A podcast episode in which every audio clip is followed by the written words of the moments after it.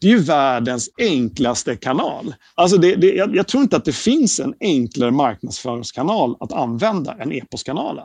Men det är ju fantastiskt hur vissa lyckas krångla till det så mycket.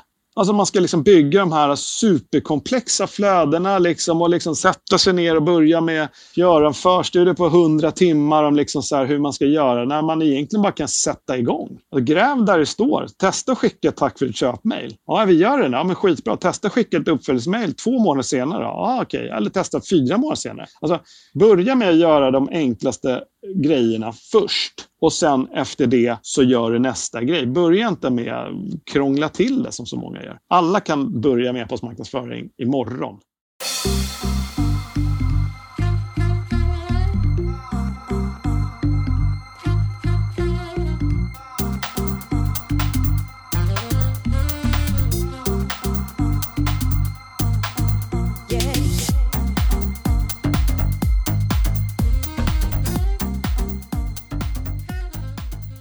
Välkommen tillbaka till Digital marknadsföring med Tony Hammarlund. Det här är en podd där jag intervjuar branschexperter och marknadsförare för att lära mig mer om digital marknadsföring. Mitt mål med podden är att bli en bättre marknadsförare och samtidigt dela med mig av intressanta samtal med några av Sveriges bästa marknadsförare. Podden är nu tillbaka efter sommaruppehåll och jag inleder hösten med att prata e-postmarknadsföring. En kanal som jag vill lära mig mer om och som jag tycker får alldeles för lite uppmärksamhet. För lyckas man med e-postmarknadsföring så kan det vara en av de mest lönsamma och kraftfulla kanalerna som vi marknadsförare har tillgång till. Med mig i det här avsnittet har jag Sam Jahanfar som är medgrundare och VD för Rule Communications. En av de ledande plattformarna i Sverige för digital kommunikation som grundades redan 2007. Så Sam har närmare 15 års erfarenhet av e-postmarknadsföring och kan det mesta om kanalen.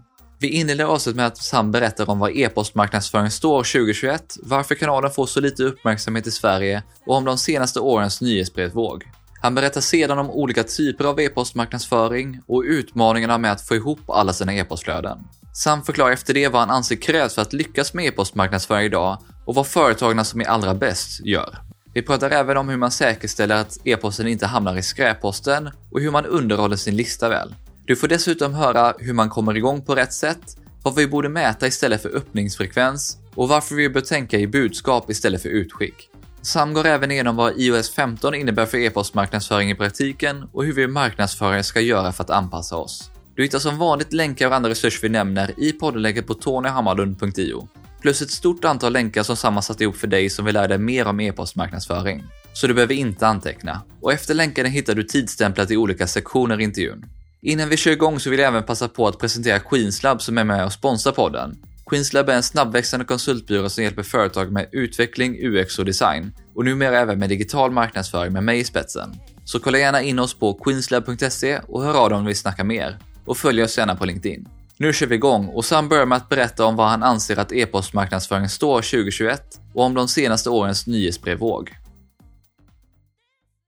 Det, alltså så här, e-posten har blivit som bara någon sån här, den bara finns, man bara gör den för att man alltid har gjort den. Det tror jag beror på ganska många faktorer. Dels för att den är en så pass gammal kanal. Den har ju funnits sedan internet föddes. Liksom. Och man har alltid gjort på det här sättet. Så det, det är en anledning att den inte finns. Sen tror jag att man kan skylla lite på oss som leverantörer. Vi har liksom varit ganska bekväma med att men det är ganska lätt att redovisa öppningar. Så då redovisar vi det. Men nu i senare tiden, här, särskilt under sommaren, det blir ganska mycket diskussion kring det. Och då landar man ju någonstans i så här, vad är är, vad, är det, vad är det för mätetal och mäta öppningar? Liksom? Konverteringarna borde ju vara mer, stå högre upp på agendan. Eh, så det, det, det är två saker. Sen nummer tre tycker jag också är att det som har gjort att e-posten kanske lite stagnerar, det är också att det är tekniskt avancerat. Är, man kan liksom inte slänga in ett JavaScript i ett mejl och börja visa någon animation och utan det är liksom, det är någon konstig, det, det, det är någon konstig grej, så, alltså, det är någon gam, som internet var 99, fast ännu krångligare. Just för att det ska funka i mobiler och det ska funka i, i, på datorer. Men då är det inte bara det att det ska liksom vara responsiva grejer. Det ska även vara att det ska funka i Outlook. Och det handlar inte bara om att det ska funka i Outlook eh, 365. Det ska funka i Outlook 2018, 2013, 2010 och så vidare. Och så vidare, och så vidare.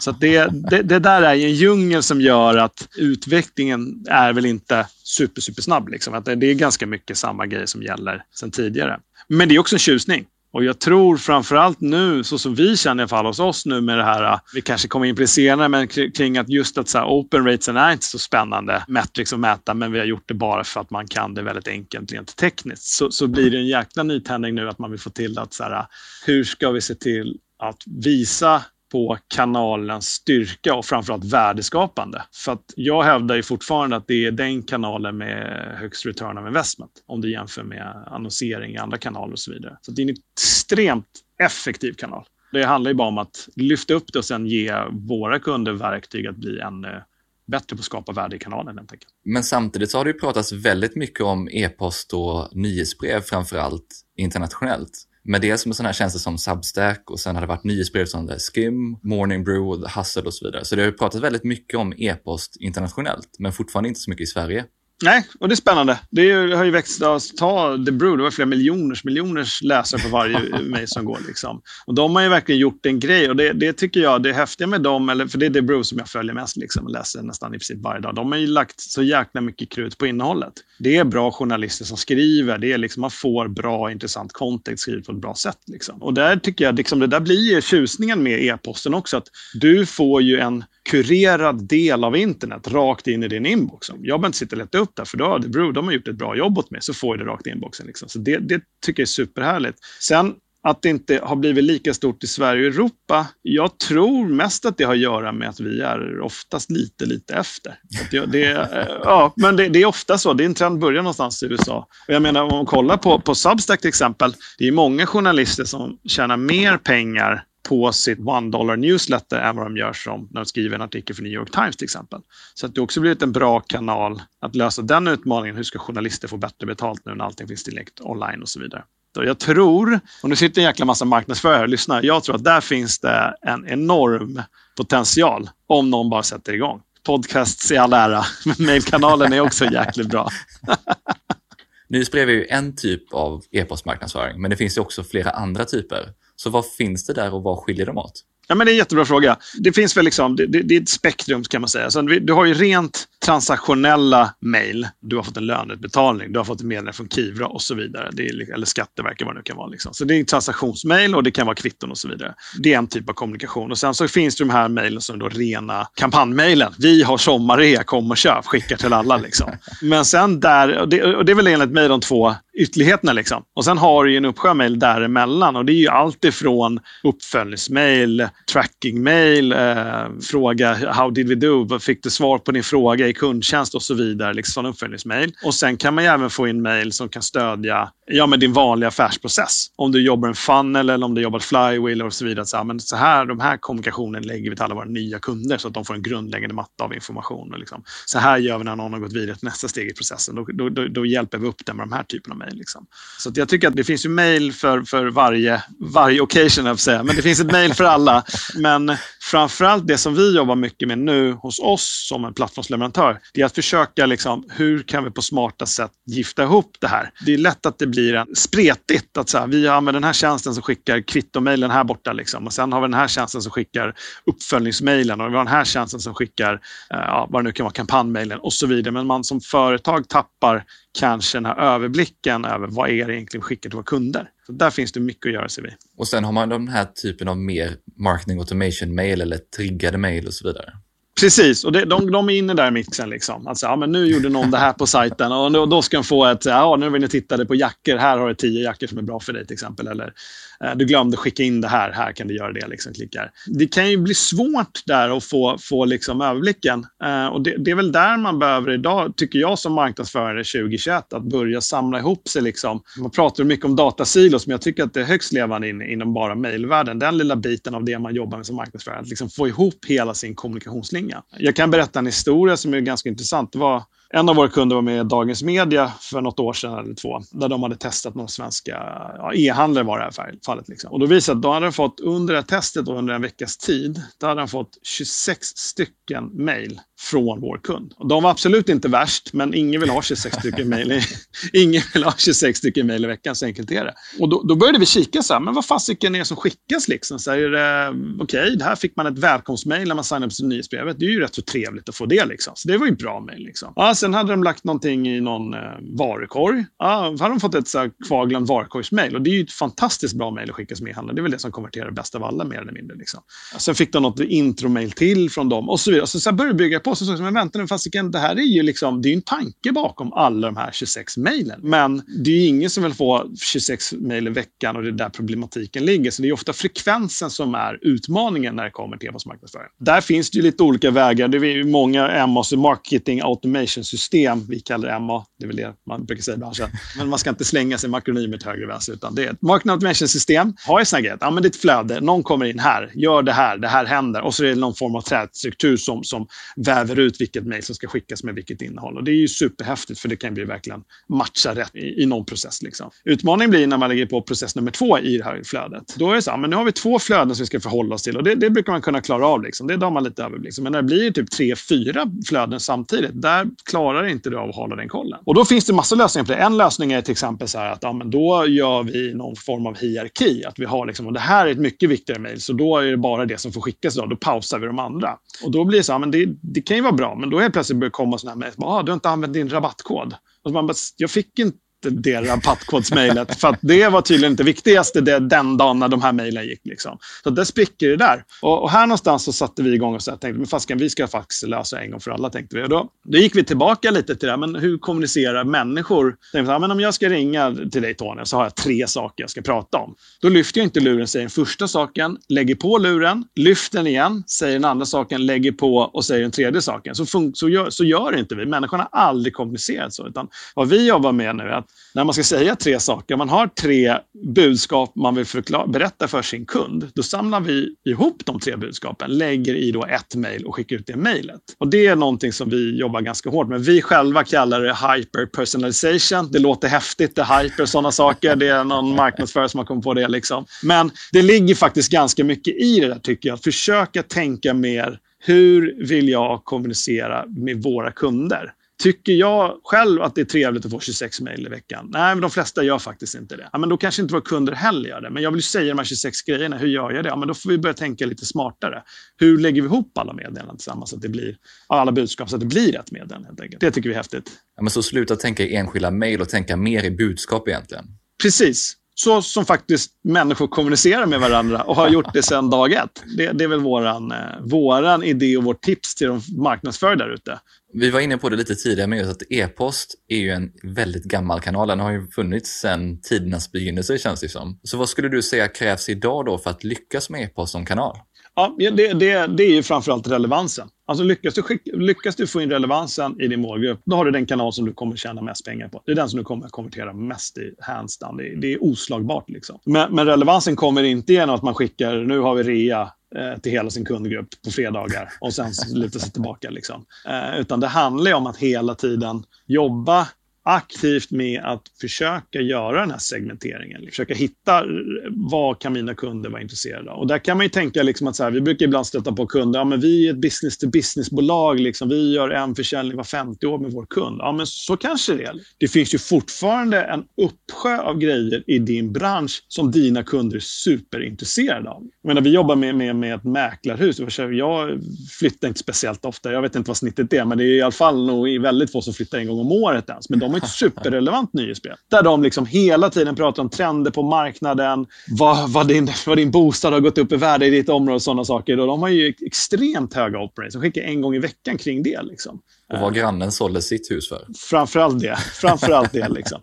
Och, och det, det, det, blir en annan typ, och det, det är väl här man igen måste tänka men det blir en typ av kommunikation där man liksom hela tiden kan vara relevant med sina presentativa kunder. Och visst, de kanske inte köper eller säljer något hus idag, men den dagen de gör det så ligger vi där top of mind. Och det är liksom det som är syftet liksom, med hela grejen. Men de som är riktigt duktiga på e-postmarknadsföring, vad är det de gör som är extra bra? Nej, men det, det, är väl en hel del grejer som de gör bra. Men alltså, vi kommer tillbaka till, jag kommer säga det tusen gånger, men det är än en gång, det är relevansen. De når mig när jag, i precis, de når rätt person i rätt ögonblick helt enkelt. Det gör man bra. Och där kan man ju säga, om, ja, det är bättre att säga lite generellt då, det är samma sak där, att man liksom kollar in så här, vad har jag för målgrupp? Vad är det jag vill kommunicera med min målgrupp? Vad är, liksom, vad är anledningen till att jag överhuvudtaget gör ett nyhetsbrev? För att ingen har ju kanske någon då, The Brew till exempel, har som affärsätt bara skicka nyhetsbrev. Men de finns ju uppenbarligen inte i Sverige. Så ingen i Sverige har som affärsätt bara skicka nyhetsbrev. Då måste man börja där. Okej, okay, men om vi nu vi vill komma åt någon form av konvertering, något, skapa något form av engagemang i min målgrupp. Liksom. Då är det hela tiden superviktigt att gå, utgå från din egen målgrupp.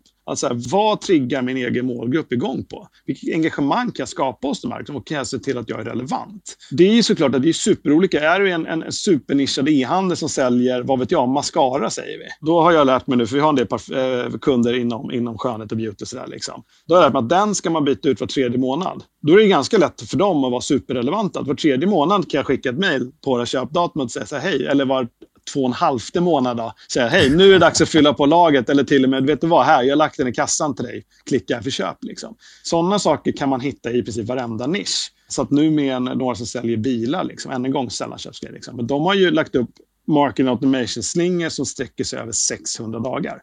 För det är så man köper i deras bransch. Så det är det tipset man kan komma till hela tiden. Så sätt dig ner, titta på din egen bransch och börja i den änden. Börja inte med att sätta upp 2000 flöden. Börja med att säga, okej, okay, men hur vill vi nå vår kund? Ja, men ta bilbranschen då. Okej, okay, vi har ett leasingavtal, 36 månader. Ja, men det är datum vi ska kommunicera kring. Inte för nära och inte för långt ifrån. Liksom. Så där någonstans, när börjar man fundera på att byta ut sin leasingbil? Liksom? Och det kanske man gör, jag vet inte, ett halvår innan kanske. Okej, okay, finns där liksom.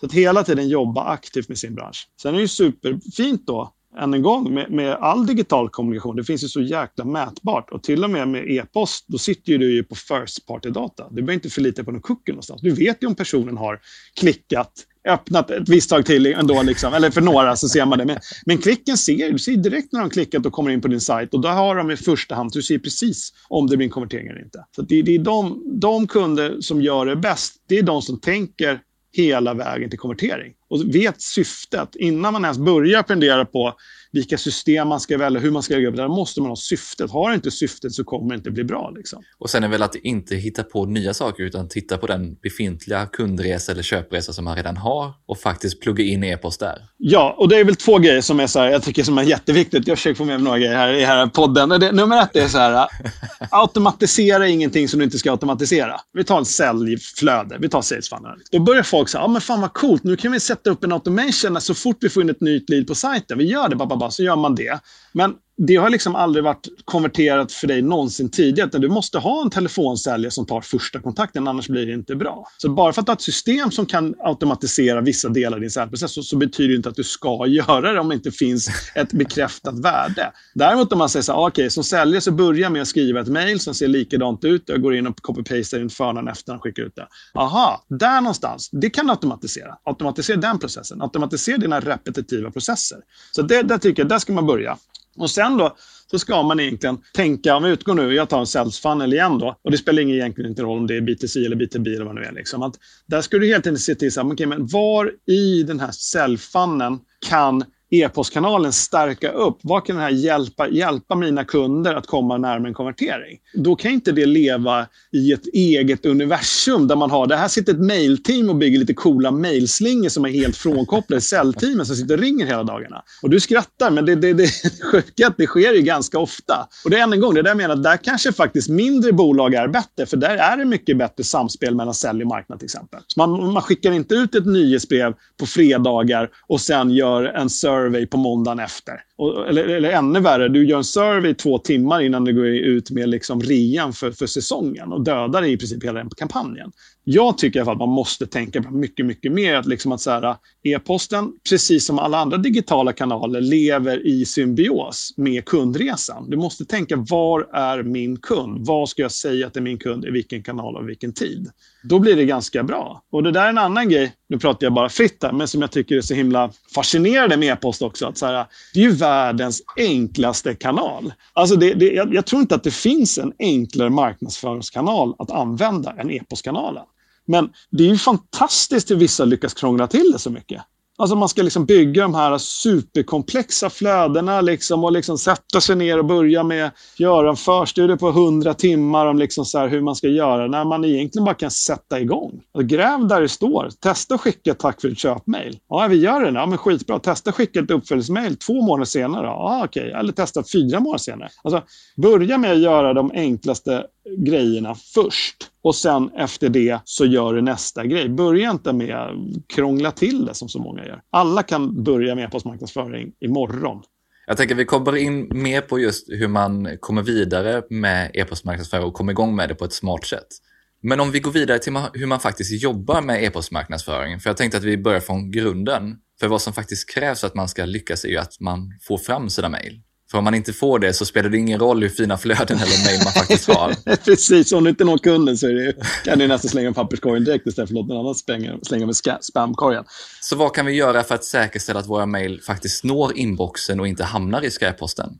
Ja, men det, är, det är en jättebra fråga och det bygger på ganska många olika delar. Men om vi ska ta från första början så hamnar man så här, okay, men du använder förmodligen då en, en, en, någon form av leverantör för dina nya spelsutskick eller dina transaktionella mejl. då är det jätteviktigt att du tillsammans med din leverantör har gjort en del tech tekniska inställningar. Liksom. Det är några grejer man ska tänka på. Och det är några så här, säkerhetsprotokoll. Just för att det inte ska bli så att man ger ut sin... Det är så alla de här äh, spam och phishing-attackerna som skett nu med Coop och allting. Det hänger ju i princip ihop med att folk har klickat på en länk de inte ska. Liksom. Och det finns några grejer som man kan göra så att man säkerställer säkerheten. Och då handlar det i några olika protokoll. Ett heter SPF, Sender Policy Framework, och sen något som heter DKIM och DMARC. Det är tre stycken klassiskt viktiga inställningar du gör. Och där kan ju låta super, super, oj, oj, oj, det där var konstiga grejer, det, det, det är datagrejer, det här klarar inte jag är marknadsförare, liksom, det här är ingenting för mig. Men det det bygger på, det är att du ska sätta in tre stycken värden som i princip säger så här, hej, vi är det här företaget AB, vi skickar de här mejlen. De går från Rules mailserver, men det är okej okay att Rules mailserver skickar mejl i vårt namn. Och har man inte med det, då ska ju då de stora e-postleverantörerna säger men här är någon konstig grej som skickar massa mejl och säger att de är det här företaget, vilket de inte är. Vi slänger spamkorgen, vi skyddar kunden. Liksom. Så de tre grejerna ska man få till.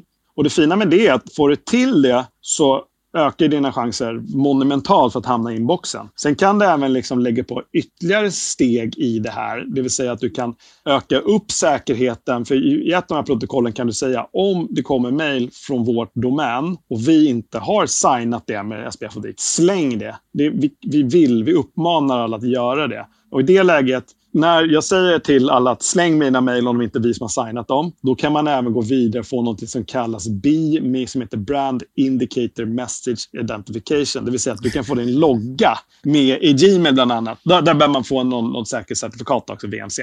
Men, så där blir också så här, det blir en liten driver för det som företag. Att om vi ser till att sköta säkerheten kring våra e-postservrar, som hjälp då så, får, så kommer vår logga visas hos mottagarna. Och det är ju superbra. Det ökar ju konverteringen om något. Liksom. Det är en liten fin din logotyp där. Så det ska man göra. Det man ska tänka på där det är ju att vi hade en kund som satte upp där till så glömde de bort att men just det, vi använder ju Sendes som skickar vår supportmail som de inte signade. Så då slängdes alla Sendes, det supportsvar slängdes mer eller mindre skräpkorgarna. Så att där måste man än en gång tänka att man har liksom koll på att vi har med alla system var de ligger. Liksom. Men det finns ju massor med företag som kan hjälpa med det om du ska gå hela den vägen i mål så att säga. Ska man göra det själv så behöver man ju läsa några guider. För det är som sagt, det finns en hel del fallgropar när man implementerar SPF till exempel. Ja, precis. Att du ska ha med, än en gång, du ska ha med alla dina ställen därifrån du mejlar och inte glömma något av dem. Det kan ju vara likadant så här, vid något lönesystem som är ett lönespesa. Ja, då fick alla, alla anställda den skräpkostnaden och så vidare. Så. så hur som helst, nu har vi pratat lite om tekniken. Och där, där behöver man liksom se till att det bara funkar. Och sen ska man då använda någon mejlleverantör som har koll på sina att det skickas rätt i hastighet och sådana saker. Men det är sånt som leverantörerna sköter.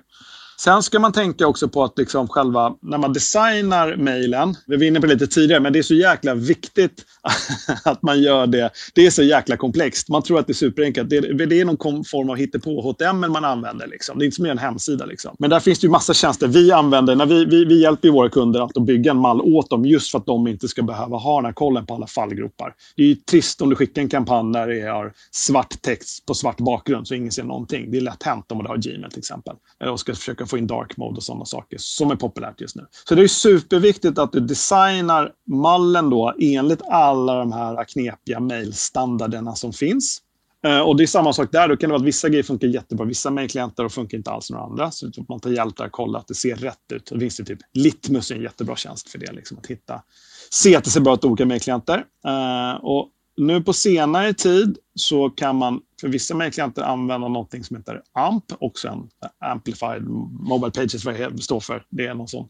Den standarden stöds i vissa, hos Yahoo, Gmail och ja, vissa andra mejlklienter som gör att man faktiskt nu för tiden kan få lite mer interaktivitet i mejlen. Du kan till exempel ha med ett formulär i mejlen. Det är liksom jäkligt läckert för oss som jobbar med e-postmarknadsföring att det här kan ju bli lite typ av interaktivitet. Den grejen är faktiskt jätterolig. Ja, det är ett stort steg framåt. Superstort steg framåt. Men då är som vanligt i e-postvärlden så var det supercoolt, funkade jättebra i Outlook tills i höstas. Då Outlook bara, nej men nu ska vi starta en egen standard istället för AMP. Ja, okej, okay, tack för den liksom. Och så där är, så där är det genom åren jämt i, i, eh, i mejlvärlden. Och så kommer vi då till klassiken kring design. Ja, men vi har gjort den här skithäftiga reklamfilmen, vi vill bara lägga ut den i alla mejlboxar. Så bara, och då har du två sätt att göra det på. Eh, animerad GIF. Jag har fått lite revival nu med memes, så det är ju bra. Men det är animerad GIF som gäller i mejl. Alternativet att du gör typ någon så här äh, fake-knapp att så här, klicka här för att, och då öppnar YouTube eller vad det gör. Liksom. Här finns det givetvis en handfull mejlklienter som stöder video och så en handfull som inte gör det. Så att ska man göra, ska man nå en liksom hela sin målgrupp, då är det jätteviktigt att man har, följer de här standarderna så att det inte blir där bara svart inboxen. Vilket händer då och då. Vad finns det för andra saker som är viktiga att tänka på? Då? Och det, vi var inne på de tekniska bitarna, men sen handlar det också om innehållet. Att du liksom skriver inte stora bokstäver och 17 stycken utropstecken i din subject line och kör liksom massa konstiga grejer som, så som, som mailfiltren uppfattas som spammigt, för då kommer du åka dit. Liksom. Utan var relevant där med och liksom också så här, i, i och med GDPR och allting, håll det till ämnet. Skriv inte liksom, här är någonting och så något annat som händer i ISP, något tredje som händer på sajten. Liksom. Gör, gör rätt. Ha bildtexter, jätteviktigt. Det är en sån liten grej, man, man lägger in massa bilder sitt mejl och så skickar man iväg det. Men för ja, med VCAG och alla de här accessibility-grejerna liksom, så är det även väldigt bra för de som har screenreaders så att det även är ordentliga bildtexter med i ditt mejl. Och det kanske man inte har så många i sin målgrupp, tänker du. Ja, men det kanske inte har. Men däremot så vet jag att Hotmail, Gmail, alla de stora mejlleverantörerna bryr sig om det. Så tar du med bildtexter så är, ja, och då, hamnar, då är chansen större att det hamnar i inkorgen. Och det är där du vill vara. Liksom. Så tänk på sådana saker. Tydlig avsändare, tydlig avregistrering. För det är en sån här grej som inte jag... Man blir bara matt. Alltså. Så, ja, men jag ska avregistrera mig. Då, är det liksom, då har man någonting till. Nu kör vi lite dark pattern UX här och gömmer avregistreringsknappen så det är superkrångligt att avregistrera mig. Det tycker någon är smart. Liksom. Helt jäkligt idiotiskt. Och om det är någon som inte vill ha ditt nyhetsbrev hur stor tror du chansen är att den kommer vilja engagera med ditt varumärke ytterligare? Den är ganska låg. Så att om genom att du håller på att larva med någon avregistreringsknapp där som man inte kan enkelt avregistrera sig från, då kommer du bara få en person som klickar på spamknappen istället. Och det är det sista du vill. För om flera personer i din mejllista klickar på spamknappen, då kommer mejlleverantören tänka att här är det mejl från det här företaget. Alla klickar på spam. Vi gör alla en tjänst och så lägger vi det här i spamboxen åt alla. Och så får du försöka jobba tillbaka upp där. Liksom. Så att, tydlig avregistreringsknapp. Alltså, vad, vad, det är liksom, det är, jag fattar inte hur du kan vilja ha folk som inte vill engagera sig i ditt varumärke kvar i din lista.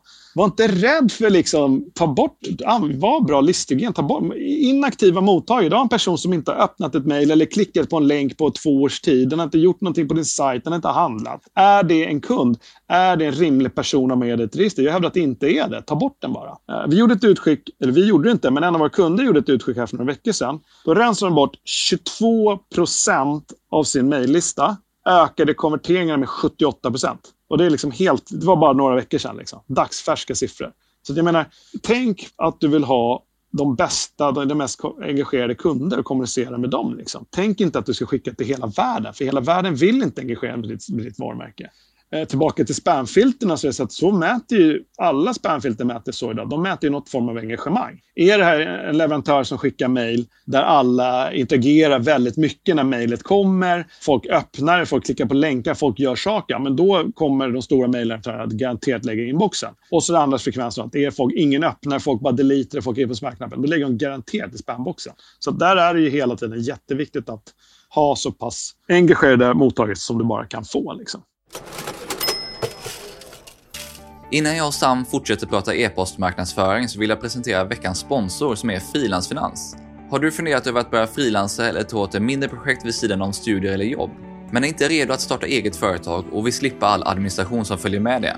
Då tycker jag att du ska kolla in Frilansfinans som sponsrar det här avsnittet. Det är Sveriges största egenanställningsföretag som låter dig fakturera utan bolag eller F-skatt. Egenanställning gör det superenkelt att komma igång och är perfekt för enstaka uppdrag, mindre projekt eller då du helt enkelt vill fokusera på det du gör bäst. Det funkar lika bra för dig som vill bygga erfarenhet, referenser och tjäna pengar under studietiden, som för dig som vill kunna ta åt dig frilansuppdrag vid sidan av ditt jobb som marknadsförare. Eller för den delen om du vill fakturera något helt annat. Mer information om tjänsten och hur det fungerar hittar du på frilansfinans.se och hälsa gärna från mig. Stort tack Frilansfinans för att ni är med och sponsrar podden. Finns det något viktigt att tänka på det när man ska underhålla sin lista och kanske ta bort en del prenumeranter? Ja, det gör det. Och, och så här, än en gång, nummer ett, var inte rädd för att radera medlemmar. Alltså så här, du kan ganska lätt bygga upp ett nytt register om det skulle vara så. Det är ganska bra att bygga upp register med engagerade med mottagare än icke-engagerade. Liksom. De flesta system med dem mäter ju engagemanget i din kundbas. Och sätta upp några, några, några automatiserade filter som kanske gör just som jag sa. Sen beror det på bransch till bransch. Liksom, att, så här, men, säg att så här, men, 24 månader, 36 månader, 12 månader. Så det är upp till dig att se vad du ska hitta. Men så, ha en process på plats och se till att du hela tiden har koll på din engagerade och icke-engagerade mottagare. Det, det är ju jätteviktigt. Och där kommer ju vi kanske kan hoppa in på det också. Där kommer ju det här, nu, nu vet jag inte om många, men Apple släpper sin nya uppdatering här nu om några veckor. Du kan ladda ner den i beta idag vet jag. Där de då stänger ner den här metricen open rate. Men innan vi kommer in mer på iOS 15, för det var många som frågade om det inför det här avsnittet, så tänker jag att du kan prata lite om det här med att mäta, för det var du inne på här. Mm. Så vad är det vi faktiskt ska mäta och vilka mätvärden ska vi titta på och kanske vilka ska vi inte titta på mer? Precis, och där, där, därför jag börja med att komma med en brasklapp till oss branschen. Då, liksom att så här, det är ju super, jag som berättade om tracking pixeln, det är ju världens enklaste grej. Det kan man bara mäta hur som helst. Liksom. Och det är skitenkelt. Ja, kolla här, 40% operate, supertoppen, pop the champagne. Liksom. Men att det är ändå det jag var inne på förut, det är ju ingen som har som affärsidé att bara skicka mig som folk öppnar. Alla vill komma åt en konvertering, ett engagemang. Då tror jag att så här, det blev, i alla fall för oss, nu kanske jag är lite för öppen hjärtlig, liksom, men för oss på Rudy funderade så här, men Fan, vänta nu. nu när, när open racen inte kommer vara relevanta längre. Va? Och då börjar man tänka, så här, har de någonsin varit relevanta? Oftast inte. Men det har varit nästan, man har alltid kört på det som dag ett. Liksom. Så nu tycker jag att så här, det blir, vi är jäkligt peppade nu på att mycket mer börja bygga, okej, okay, vad har vår kund för riktig KPI? De ska få en, eh, sälja en produkt. Du är e-handlare, då är det, de har ju världens enklaste KPI. De ska ju sälja prylar. Liksom. Och så gärna rätt prylar med högt eh, tekniskt bidrag. Liksom. Men du kanske är en eh, organisation som ska ha, du ska ha ett webbinar som du vill ha folk till. Och det är ett superviktigt KPI att få folk att signa upp. Liksom. Och i det läget, så här, jag ska ha ett webbinar om två veckor där jag gärna skulle vilja ha 200 personer som lyssnar då är det KPI bra mycket viktigare. Att säga, men jag fick 200 sign-ups måste ju vara mycket viktigare än att det var 4000 som öppnade ett mejl. Det betyder ingenting för mig. Liksom. Och där tror jag att vi som leverantör, nu jobbar ju, vissa nischplattformar har ju typ det för att de har ett ganska nischat område. Liksom. Men vi som är lite mer generella då börjar bygga någonting. Vår bet på Rule är att vi kommer bygga ihop det här med Google Analytics. För där har vi redan eh, conversion tracking och de bitarna. Liksom. Istället för att då som systemet ser ut idag, det börjar med skickat, öppnat, klickat och sen eventuellt då lite konvertering på din sajt också. Så kommer vi vilja vända på att säga så här, okej, okay, det här, okay, skickat är superrelevant så vet vi urvalet. Liksom. Men sen så här, de skapade det här på din, konverteringarna på din sajt. Det blev så här många sålda produkter. Det blev till den här pengen. Eh, eller det blev den här sign-upen eh, och så vidare. och så vidare. Eller de spenderade så här mycket tid på din nyhetsbrevssida eller nyhetssida, sajt. Då kommer man tillbaka till det här som du började som. Liksom, ja, men e-post, alla gör ingen pratar om det. Liksom. Då kan det bli så här, men vänta nu. Om vi som leverantör börjar lyfta upp och så här, kolla vilket värde den här kanalen skapade. Liksom. Jaha, vad häftigt. Liksom. Och då kommer vi kunna hjälpa våra kunder att driva branschen framåt. Om vi skiftar fokus för någon knasig metric öppningar till den här häftiga metricen engagemang eller konvertering. Då tror jag liksom att det kommer komma mycket närmare det som kanske ads och eh, online-annonsering och så vidare är så jäkla bra på. De visar ju hela tiden liksom att så här, vilket värde skapa.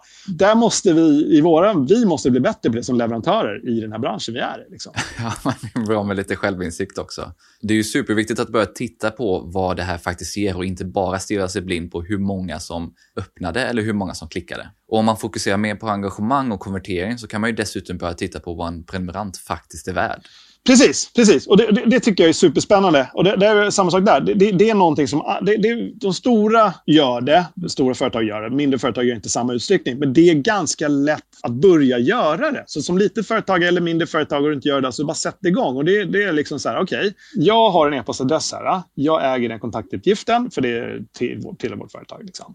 Eh, och jag vet att de här personerna jag mejlar, de brukar handla, för, men det kan man ju alla få ut, liksom. de brukar handla för i snitt så här mycket och de gör det i den här frekvensen så här ofta. Och då får du ut ju värd, livstidsvärdet på din kund. Liksom. Och det, det är väl många som har det. Men det steget, nästa steg man kan göra då, som jag tycker är ganska relevant, eller vi tycker är relevant, det är också att applicera det på din kundstock. Så här, hej, här är ett register med 100 000 mottagare och de är värda 1500 kronor i snitt per mottagare. Ja, men bra, bam, där fick du ett värde på hela din kundstock ur den här, ur den här kanalen. Liksom. När man får in liksom det tänket, så här, men den här kundstocken är värd 1,5 miljoner.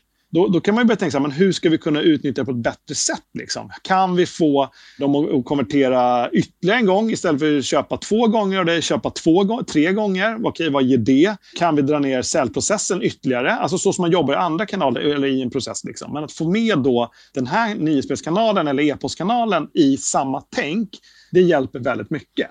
Och sen då som du får som bonus för det också, en annan grej som är extremt bra för e-postkanalen, det är också så här att då får du också ett värde i vad en unsubscribe kostar. Så att om jag misshandlar den här kanalen, att så här, ja men eh, vi skickar att vi måste ta budget den här månaden, vi drar en till kampanj här innan månadsbrytet liksom. För då får vi alltid någonting liksom. Ja, så här, skitbra, det tog budget, Det sålde för 20 000 mer liksom. Men du fick också 30 stycken unsubscribes. De har ju ett värde på 45 000. Ja, men då var det kanske inte lika bra. Det blir ett bra mått att förhålla sig till liksom, Både i anskaffning av prenumeranter men också när man tappar dem. Precis. Och det, att jobba i båda de ändarna så ger bara dig som, som företagare en mycket, mycket bättre överblick över din kundstock. Så det, det, det är verkligen en, någonting som jag vill skicka med också. Att börja fundera på vad en e-postadress i världen, vad kund, presentativ kund är värd för dig. Liksom. Ja, men det är som sagt det är riktigt bra tips och en bra övning att göra. Då tänkte jag att vi hoppar tillbaka till iOS 15 som du var inne på tidigare. Vad är det som händer där och hur påverkar det e-postmarknadsföring? Jo, det är väl en del rätt så stora grejer som förändras. Men när man väl har satt sig in vad det innebär så blir det kanske i praktiken inte superstora omställningar trots allt. Vilket är ganska skönt, för man kan väl kanske är lite rädd att nej, nu ändrar någonting. Bara, ska vi göra om hela vår mejlkampanj här hela hösten? Liksom? Det har vi inte planerat. Framförallt efter iOS 14,5-historiken som vi har. Ja, men precis. Exakt. och det här är faktiskt inte så himla allvarligt. Utan det som händer, det är tre saker som händer. Framförallt den, stor, den som jag hävdar är största grejen, det är att tidigare så fick man själv klicka ja, ladda bilderna när man fick ett mejl. Eller har den i sig. blandades ändå. Eh, och det var en indikation på då det här vi pratade om tidigare. Att ah, det är någon som har öppnat mejlet. Liksom. Vad bra, nu vet vi det. Liksom. Nu har Apple vänt på steken. Så att istället för att liksom låsa alla bilder eller visa alla bilder. Så nu kommer de visa alla bilder jämt för alla. Så att du som marknadsförare kommer inte med samma säkerhet veta om att ett mejl är öppnat betyder då inte på samma sätt att någon faktiskt har läst mejlet. Men som vi pratade om tidigare så är det ändå en ganska dålig metric till att börja med. Så det är kanske bara bra att de tar bort den här för oss och gör, får oss att ta rätt metric, det vill säga engagemang och sådana saker. Det kommer ju såklart påverka dina open rates, men du har ju även andra mottagare också som inte använder Apples native-klienter eller använder Apple-miljön för den delen heller. Så att allt beror på hur stor del av din kunskap som är inom Apples ekosystem så att säga. Så att jag hävdar att det kommer bli, det som händer nu är att det kommer bli en korrigering i din open rate på dina kampanjer. Så att om det tidigare låg på 25% open rate kanske kommer ligga på 35% open rate. Men det gör egentligen ingen skillnad i hur du ska använda den metriken ändå, för den är ju ändå relativ. Det handlar ju om att så här, om jag brukar ligga på 35% och så har jag en kampanj där jag får 45 ja, då har jag gjort någonting bra med min subject line, eller med rubriken. Men går jag ner på 25 så har jag gjort någonting dåligt. Så att det är bara det är en korrigering som kommer ske i din Operator helt enkelt under hösten. Alla tycker vi är bra med höga siffror, så det är kanske bara bra till men du kanske kan visa det här för din chef och säga kolla, operatorn är uppe, vad får jag löneförhöjning nu eller? Så det kan man använda. Den andra grejen som kan vara stor här och som jag tror faktiskt kommer påverka också väldigt mycket för, för marknadsförare, det är att man kommer kunna skaffa så kallade fake-adresser. Och det är en grej som du har tidigare kunnat gjort i Gmail också. Du kan lägga till ett plustecken så kan du skriva någonting, så kommer mejlen komma till din inbox. Men det, det är helt enkelt som händer är att du, om du har iCloud plus någonting heter det, plus någonting, då kommer du kunna skapa temporära, eller du kommer kunna skapa helt random mailadresser som heter 123xyz.icloud.com. Men som då iCloud i sin tur mappar vidare till din mailbox. Så att du som iCloud-användare kommer kunna ha massa mailadresser utåt sett, men alla kommer in till din privata mailbox. Så du kommer inte behöva ge ut din privata mailadress som du kanske vill använda för ja, massa seriösa grejer. Liksom. Det här kan ju ställa till problem för att ni kanske har en sån här, ah, signa upp till vårt nyhetsbrev och få 10% rabatt. Det är en supervanlig eh, promotion. Liksom. Eh, och då kommer man kunna göra det flera gånger om så att säga. Men det kanske ändå inte är så smart att ha en sån kampanj ändå och inte ha någon bättre koll på vem faktiskt personen är som signar upp sig. Så det, det måste man jobba på då i det här fallet. Liksom. Sen så kanske man tappar lite så här när man ska bygga kundprofil och sådana saker. Att så här, den här personen kan ju finnas med då jag ser det inte som marknadsförare. Jag ser bara 14 konstiga mejladresser, men det kan tillhöra samma person. Så nu tror jag att nu har vi, oj jäklar, nu växer kundbasen. Men så blir slutändan att det är 14 mejl som går till en och samma inbox. Så det kommer man ju behöva tänka till kring. Och då tänker man, okej, okay, men jag är marknadsförare. Hur ska jag kunna göra det här? Ja, men du kanske kan vara tydlig när du pratar med dina kunder. Att så här, vet du vad? Lämna din rätta mejladress här, för då kommer du få så bra mycket bättre kundupplevelse när du är på vår sajt. När du integrerar med vårt varumärke så kommer du få en mycket härlig kundupplevelse. Och då landar det i det här igen hela tiden. Se till att vara relevant och tydlig vad ni kommer göra för era kunder. Då finns det liksom ingen mening för mig som, som kund att vilja använda en fejkadress. Liksom. Eller i alla fall inte använda flera. Så det tror jag är någonting där man ska tänka till som marknadsförare. Hur ska vi kunna hantera det här på ett bra sätt så att vi inte får en fragmenterad kundbas? För det är det du får. Liksom. Och sen tredje grejen som är väl kanske den minsta förändringen, det är också att man kan inte använda geolocation. För det är också lite roligt att när du laddar ditt mejl, då kan vi se var någonstans i världen du är. Det kan faktiskt också ligga till grund att så här, men då kan vi visa närmsta fysiska butik. Om det är på Manhattan, ja, då får du adressen till den butiken på Manhattan. Men är du i ja, Shanghai så får den i Shanghai. Det kommer inte vara nu, för nu kommer väl alla vara i Cupertino eller vad nu kommer visat också. Så att den, vädret här, det kommer man få vädret i Kalifornien kanske, var serverna står. Så att den typen av kommunikation kommer inte kunna hända. Och Sen kan jag tycka att det är ganska bra för att det finns mejlsystem som sparar IP-adresser och det är ju enligt GDPR en personuppgift. Och ni kanske gör det idag redan, fast ni inte vet om det. Ni kanske har ett mejlsystem som sparar IP-adresser på era kunder, er databas, vilket är ett brott mot GDPR. Om inte ni nu så med, har sagt explicit till era kunder, vårt mejlsystem sparar IP-adresser. Så på det sättet så kanske det är bra att ni tänker till där ändå. Kanske väl en leverantör som inte sparar IP-adresser överhuvudtaget, utan har en geolocation. Det finns sådana i Sverige. Så enligt dig är det här egentligen inte så jättestora förändringar för marknadsförare? Nej, egentligen inte. Och tvärtom så kan jag tycka att så här, det här blev i alla fall för oss som leverantör en, en jäkla härlig nytändning. Att fasiken, ska inte vi börja visa relevant data för våra kunder? Ska inte vi hjälpa dem att mäta rätt? Vi kan ja, vi ska ju vara proffs. Varför visar vi open rate för? Så att jag tror att det här kommer bli riktigt bra. Tvärt, det kommer bli riktigt bra. Man kommer kunna bli, öka fokusen på de metricsen som är relevanta och inte bara de som är tekniskt enkla att visa visa. Ja, men det är riktigt skönt att höra att du säger det. Och då lämnar vi iOS 15. Om vi nu har grunderna och tekniken på plats, vi mäter rätt saker, hur rekommenderar du att man kommer igång på allvar med e-postmarknadsföring på rätt sätt? Rätt sätt är att komma igång. Alltså det är så enkelt där. Rätt sätt är att göra någonting så att du får in riktig data som du sen kan ta till nästa steg. Så det, det, det är någonting som jag vill trycka på verkligen och det är så här, sätt igång och gör. Okej? Okay? Och det är, det, det är bra, man är igång, man har gjort sitt första utskick. Utifrån där så kan man sen börja välja att ta nästa steg. Och då hävdar jag att nästa steg, det är det steget som ger dig mest. Alltså tänk hela tiden i termer av lågt hängande frukt. Bygg inte en hel sales funnel med typ 70 olika mejl som ska gå ut till höger och vänster innan den har testat mejl nummer ett. Och det är bara du som kan svara på så här, vad är den lägst hängande frukten. Då? Ja, men du är eh, en e-handlare, okej, okay, men vi kanske ska skicka tack för ditt köp. Vi kanske inte bara ska skicka ett trött kvittomail från någon tredjepartstjänst. Liksom. Vi ska skicka ett fint kvittomail och efter skickar vi tack för köp. Till exempel. Eller vi kanske ska skicka ett du har glömt dem till varukorgen. Eller du är liksom ett, ett, ett, ett, eh, tjänsteföretag. Någon har laddat ner ett white paper. Det kommer så pass långt. Det är superbra. Liksom. Men skicka sen en uppföljning. Och Det kanske kan vara en fråga. Vad tyckte du? Läste du white paperet? Aha, eller vad tyckte du om det här citatet? Någonting. Liksom. Att börja göra det som man tror själv ger mest bang for the buck. Och det bästa med den här approachen är att då har du alltid någonting som är den mest lägst hängande frukten. Precis hela tiden. Och det, det, det, är så jag tycker de som gör det bäst får till det. Det är att de hela tiden förfinar, förfinar, förfinar. Liksom. Sen är det klart att du inte ska vara clueless och inte ha någon som helst större plan. Liksom. Men det viktigaste är att du har en plan, men att du faktiskt gör någonting. Det trumfar allt i när det kommer till eh, e-postmarknadsföringen. Liksom. Kan du ge några exempel på vanligt sådana här lågt hängande frukter, kanske både för business to business och business to consumer?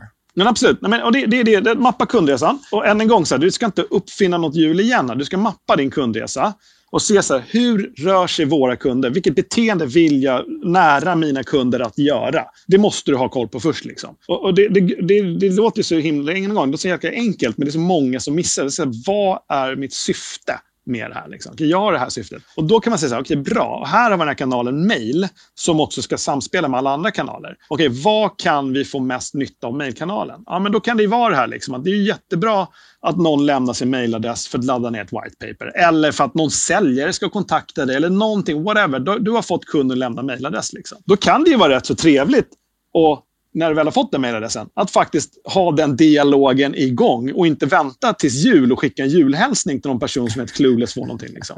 Så det är hela tiden att hitta liksom smarta sätt där du kan kommunicera med kunden. Och sen är det så här, men ja, vi säljer e-postsystem.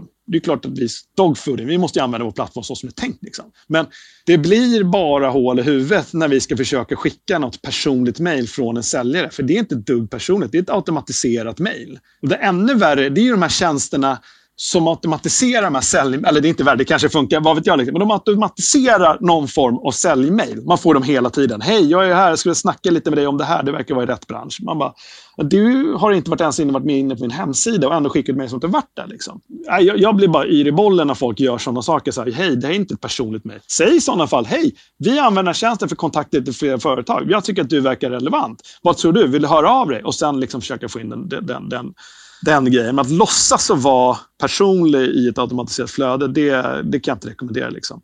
Okej, okay, så det, var, det, där var inne liksom business to business-steget. Då. Och då kommer man in på, på uh, business to consumer. Och där är det också så här, där vill det ju vara, det är ofta större volymer. Hur relevant den än vill vara så är det supersvårt att ringa till en kundbas på 100 000 personer om det är en person. Liksom. Så där vill du hitta genvägar till att du kan vara hela tiden behålla relevansen, men ändå nå ut till många.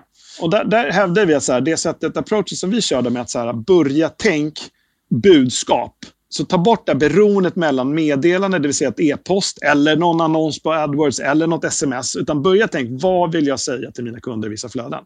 Så börja mappa det. Ja, men än en gång, de, de fick mitt personnummer till slut när jag handlade. Ja, då vet ju de när jag fyller år. Det kan ju vara trevligt att ta en, en konversation kring det. Liksom. Och då kanske man inte skickar hej Sam, grattis på födelsedagen, här får du 10 kronor rabatt på nästa köp. Det är kanske inte så superhäftigt. Men däremot så här, Sam, fan du fyller år om en vecka.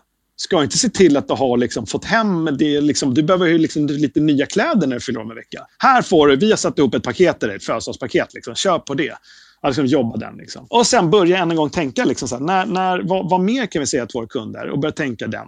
Och sen då försöka få ihop det så att det är konsistent när det går ut. Och det coola är att om man lyckas bryta sig loss från meddelande och budskap, då helt plötsligt så kan du kunna bli ännu mer. Då kan du ju öka de här de här 26 mejlen jag pratade om i början. Liksom. Du kan ju få det till att bli 104 budskap. Om det fortfarande bara rör sig om att det är sju mejl som skickas ut i slutändan. Vilket gör att då kommer du kunna bli ännu mer relevant. Du kommer kunna nörda in dig. Liksom så här, du kan hitta en nisch i din målgrupp som kanske bara rör... Det kanske, du har en kundbas på 100 000. Men det är 100 personer som skulle behöva om en vecka byta batteriet i någon elpryl de har. Liksom. Och kan du då få ut det meddelandet i det här större budskapsflödet, då kommer du nå 100 pers som kanske har en återköpsgrad på 75 procent. Det är värt besvär, men du kan inte bara dra ett mejl till alla om det är dags att byta batteri. Liksom. Så det är där hela tiden du ska försöka hitta de här smarta kommunikationen och jobba. Liksom. Och sen visst, för e-handel, de, de har, flesta är väl, har väl hyfsat koll. Liksom. Men det är det hela tiden att ha, utgå från köpflödet och se hur kan vi göra för att få repetitiv kund, nästa köp och hur kan vi få det köpet att ske snabbare.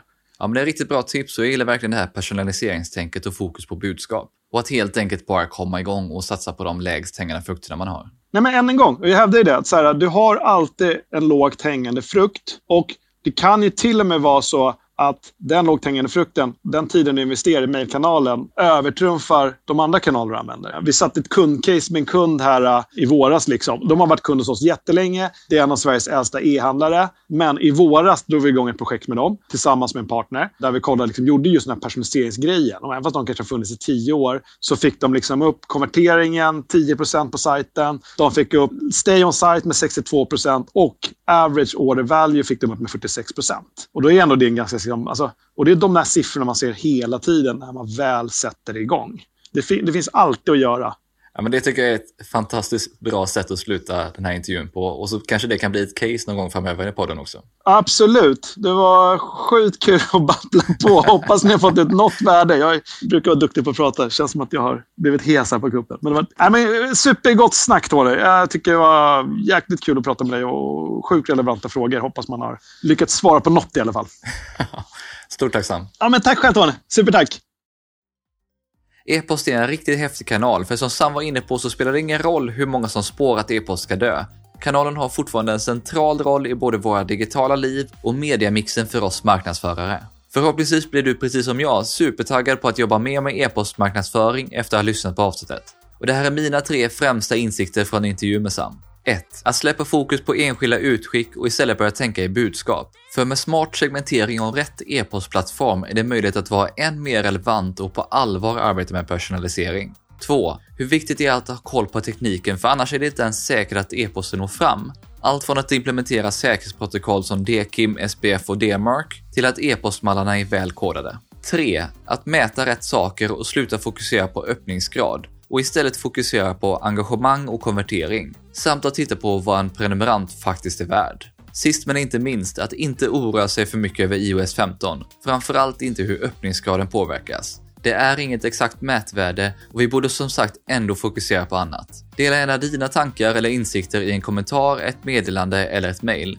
Och passa gärna på att skicka en kontaktfrågan på LinkedIn om vi inte redan har connectat. Du hittar som vanligt länkar till allt vi nämnde i poddenläget på tonyhammarlund.io. Plus alla länkar som Sam har sammanställt om allt från teknik och mätning till segmentering och personalisering. Och ett antal nyhetsbrev du verkligen borde kolla in om du är intresserad av e-postmarknadsföring. Gillar du det här avsnittet och podden så vill jag som vanligt påminna om att prenumerera och tipsa gärna andra om podden. Avslutningsvis vill jag passa på att tacka Mikael på Better Waves som hjälper till med att producera den här podden och stå för musiken. Vi hörs snart igen med fler intressanta gäster och ämnen.